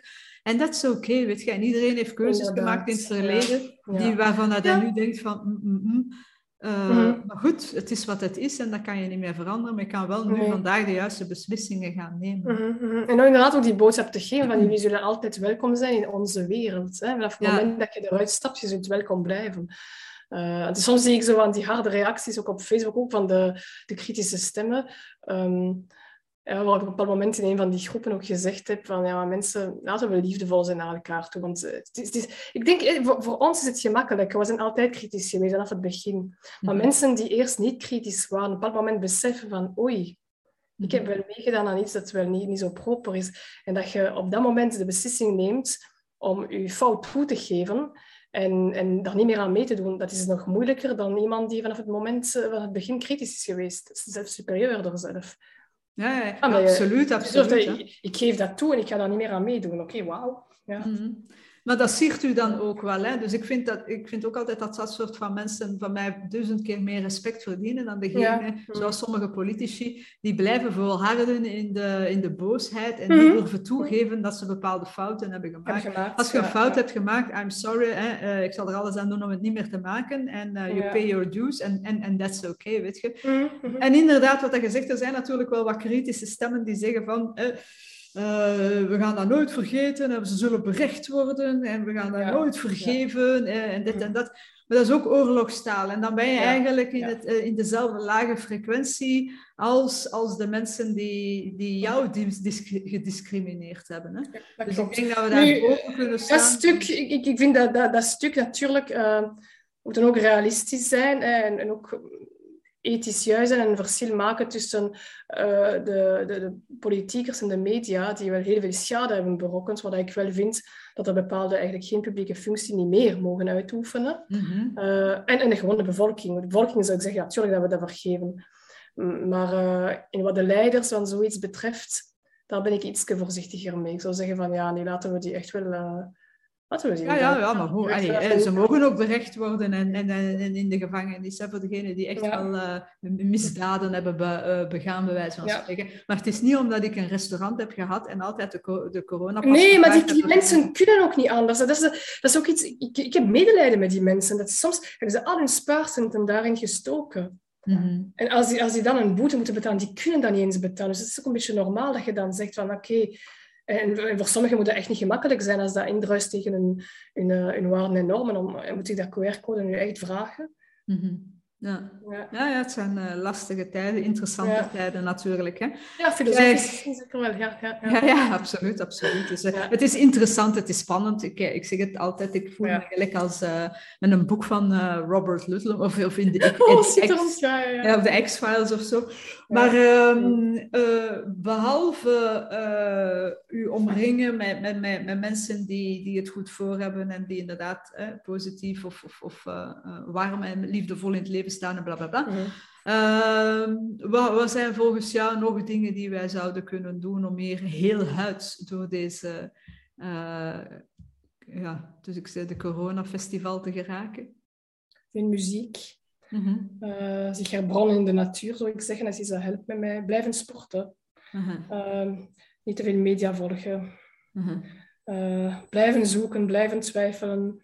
Ehm, en wat, wat, jij zegt is een hele belangrijke, inderdaad. Want ik denk, ik, ik heb het er vanochtend met een collega over gehad. Eh, je moet oppassen wanneer je kritisch bent om niet te vervallen in dezelfde valkuil. Mhm. door, door je te gaan uh, versterken in extreme complotdenken, hè, mm die ook angst zaait. Maar dat is ook niet de oplossing. Nee. Nee, nee, nee. nee, nee, Alles uh, op dezelfde manier dat, dat het overheidsnarratief in vraag moet worden gesteld, moeten, moeten extreme complotdenkers ook in vraag worden gesteld. Wat is een doel? Mm Ja, klopt. Hè, klopt hè. Ja, bon, die kunnen er ook uh, vast van overtuigd zijn. Maar daar, daar heb je wel gelijk in. Je hebt mhm. ook een hele, een hele bende uh, mensen die, en dan moet het zelfs nog geen complotdenkers zijn, maar die even goed angst zaaien. Ja, absoluut. van oeh, en dat uh, vaccin, er zitten heel veel bijwerkingen op en zoveel -hmm. myocarditis en, en zoveel dingen die doodvallen enzovoort. En dat is inderdaad een beetje afwegen van inderdaad dat mag aan het licht gebracht worden, want het wordt doodgezwegen, nog bijna mhm, doodgezwegen mhm. door de mainstream media. En het is wel belangrijk dat we laten zien dat er heel veel bijwerkingen zijn. Mhm, mhm. Eh, voor, uh, zeker voor jongeren en kinderen die eigenlijk geen vaccin behoeven, dan, mhm. eh, dan moet, denk ik inderdaad, ik moet dus niks, maar ik vind wel dat dat moet in het daglicht ge, gezet worden. Maar ook daar weer zonder aan angstzaaierij te gaan Absoluut, doen. ja. Ja, ja. Ja, een, ja en, ook, en ook, we mogen ook niet omgekeerd gaan discrimineren. Ik heb een vriendin die gevaccineerd is en die een, een spraakbericht heeft opgenomen van het weekend. Aura, ik zou zo graag met jou iets ergens willen gaan drinken. Dus ja, er zijn meerdere plekken waar dat kan. Maar je gaat mij toch niet discrimineren, hè, omdat ik gevaccineerd ben. dat is echt een risicopatiënt, die heeft een auto-immuunziekte. En dan, waarbij ik, dat ik zei van, nee, daar moet, moet, je eigenlijk nooit angst van hebben, want ik heb op zich geen probleem met vaccinatie zelf. Ik bedoel, Als je die keuze hebt gemaakt omdat je, je jezelf veiliger voelt, of dat je die keuze hebt gemaakt omdat je een risicopatiënt bent, of gewoon met de beste bedoelingen, dat is het probleem niet. Ik heb het probleem met het feit dat, dat, dat één, ehm, een medische handeling niet meer uh, gebeurt, of niet meer besproken wordt hè, tussen arts en patiënt in een privéruimte van de, van de, de arts, maar dat ineens aan de publieke ruimte gaat. Dat is één. En twee, dat dat medische handeling een, politiek symbool wordt. En niet enkel een politiek symbool, maar ook een middel om mensen te discrimineren. Dat is mijn probleem. Mhm. Nu, ik moet niet weten of dat je gevaccineerd bent. Ik zeg ook vaak aan mensen, als je het met mij wilt hebben over je vaccinatiestatus, zeg ik misschien ook geneigd zijn om te vragen of dat je ook ontwormd bent en of dat je je aan bijen hebt laten verwijderen. Zo, laten we dat dan maar ridiculiseren, want eigenlijk zijn dat dingen dat we, we hebben er geen zaken mee. nee, dat is het ook. Hè. Dat de manier waarop, dat is propaganda. Dat is... Ah, ja, ja. Ja. het is not of, it's none of our business, inderdaad. En daar gaat het hem inderdaad niet over. En nog, Van in het begin eigenlijk niet. Hè. Alleen voor mij niet. Nee. Uh, voor u mhm. ook denk ik niet. Het gaat niet per se over, corona of vaccinatie. Die twee dingen zijn gekaapt geweest voor een hele andere agenda. Die Absoluut. Doorvoeren. En dat is hetgeen mij zorgen baart. Dat is mhm. inderdaad het, uh, het, totalitaire regime waar dat we naartoe gaan. waar dat big data, big tech, big pharma alles voor het zeggen hebben. En wij binnenkort als transhumane wezens ja, precies, dat, is ook gaan, gaan ageren. Dus ja. ja, dat maakt mij zorgen. Gaat het zo voorkomen? Mm. Ik hoop van niet. Ik hoop dat het licht en de, en de, en de mm. liefde mag uh, overheersen en snel. Ja. Uh, maar in de meanwhile mogen we dan wel in Brussel gaan wandelen en opkomen voor onze rechten en onze vrije meningsuiting. Ja, ja precies. Ja. Mm -hmm. Alright. Zeg, Ora, is er iets wat ik nog niet gevraagd heb en dat je zegt, dat wil ik nog vertellen? Ja, heb je nog uh, vragen over de meeste privé-kantjes van mijn persoonlijkheid? Uh, die ga ik ja. u stellen als we terug naar... Wat was het weer? Een uh, caipirinha en een mojito drinken? Ja, ja, ja. Dan... dan kunnen we nog eens uh, die vragen stellen. Hè? Uh, nee, uh, ik, ik, kan zo niet een vraag nog bedenken, maar uh, als er is dat je zegt van ja, dat wou ik toch nog even laten weten aan de mensen die luisteren of kijken. Mm -hmm. Ja, misschien dat het alles alles heeft een eind. Hè? De goede dingen, maar ook de slechte dingen. Dit, dit, dit, dit gaat ook niet voor eeuwig doorgaan. Dit kan ook mhm. misschien een beetje eh, duren, um, maar laten we gewoon sterker blijven. Uh, sterker worden in, door zo'n situaties. En dat gaat ook niet voor eeuwig blijven. Ik denk dat we ook, als we vanuit die insteek uh, door die crisis gaan, dat we er sterker uit gaan komen. Mm -hmm. Dat is inderdaad wat ik ja. ook altijd zeg. Van, mm. ik heb in, was het in filmpje of in een podcast, mhm. I don't know, van, van Tony Robbins is ooit geleerd en die man zei ook van als er iets ergs gebeurt, uh, probeer dan eens naar de situatie te kijken en de vraag te stellen: what's good about this situation? Ja, en ik vind dat een hele goede vraag, want aan alles is er een goede kant. En aan de hele coronacrisis. Uh, festival of happening, hoe dat je het ook wilt noemen, is er ook een goede kant, meerdere goede kanten. En een van de mm. kanten is, kijk, ja, ja, waarschijnlijk het is ongelooflijk, nee, voilà. Ja, voilà. Dus, en zijn uh, zo, zoveel toffe mensen. En ik vind ook dat die vriendschappen ook veel diepgaander zijn. Omdat, omdat het, het, gaat over de essentie van het leven.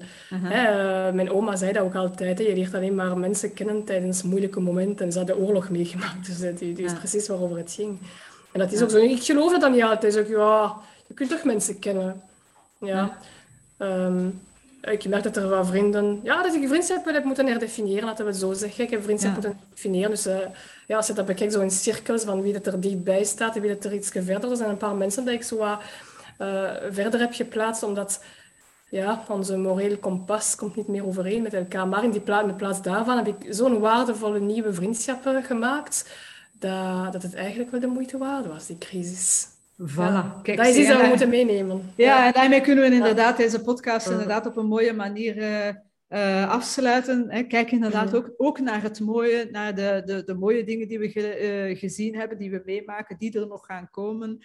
Uh, ik heb er ook heel een, een, een positief gevoel bij dat, het, uh, dat, het, dat de toekomst, die ziet er wel mooi uit. Oké, okay, het is nog even wat hè, ploeteren enzovoort, maar dat komt wel allemaal in orde. Het komt altijd ja. goed. Altijd is wat jij zegt. Het is ook zo'n slingerbeweging. Hè? Dus hè, het is een keer slecht, goed, slecht, goed, slecht, goed. En, en, en het kan niet slecht blijven, sowieso niet. Dus... Ja. Uh, Komt goed, komt goed. Het komt goed. En als, als er stenen gegooid worden, sommige mensen bouwen muren. En andere bouwen bruggen. En dat is de boodschap dat ik wil geven aan iedereen. Bouw een brug. Voilà. Amen. Can I get an amen? Alright, wel, lieve Ora, een dikke merci voor um, jou, uh, jou uh, ja, voor het interview dat je aanwezig was. Als ja. mensen jou willen lezen of, of, of, uh, of, of willen contacteren, waar kunnen zij het beste... Facebook, ik ben volgbaar op Facebook, toevoegbaar ook. Twitter ook, voor kortere Stevige tweets. uh, modderballen. um, op Factor V ook, ja. Ik zag ook op uh, Artsen voor Vrij dat er ook wel een tekst gepubliceerd is geweest, maar vooral op Factor V, daar zijn er ook wel meerdere teksten. Maar ik, ik, ik probeer om uh, berichten op Facebook te beantwoorden. Dat neemt soms een week of twee in beslag, maar uh, ja. ja. Alright, goed, maar ik zal de links uh, eronder zetten, dan kunnen mensen jou zo contacteren. Ah, dat is goed, dat is voilà. En voor de mensen die kijken, luisteren, als je het interessant vond, uh, thumbs up. Uh, deel het met uw vrienden, uw familie, met wie dat er ook maar van kan genieten. Ja. En abonneer u op onze kanalen. En als je zelf nog ideeën hebt, vragen hebt, opmerkingen hebt, Zet het in de, in de comments. Wij vinden het altijd heel erg fijn, als het tenminste mm. constructief is, om, uh, om feedback te krijgen en te weten wat dat jullie bezighoudt. Dus uh, laat het zeker uh, weten. voilà, dat brengt mij tot het einde van deze podcast. bedankt voor het luisteren, bedankt voor het kijken en Ora, dikke merci voor dit gesprek. Dankjewel. Dag. Bye bye. Super tof dat je meedeed. Vergeet niet naar mijn website te gaan, greetbunnens.be. Daar vind je heel veel gratis artikels, video's, audio's, lots of fun stuff. Bedankt daar.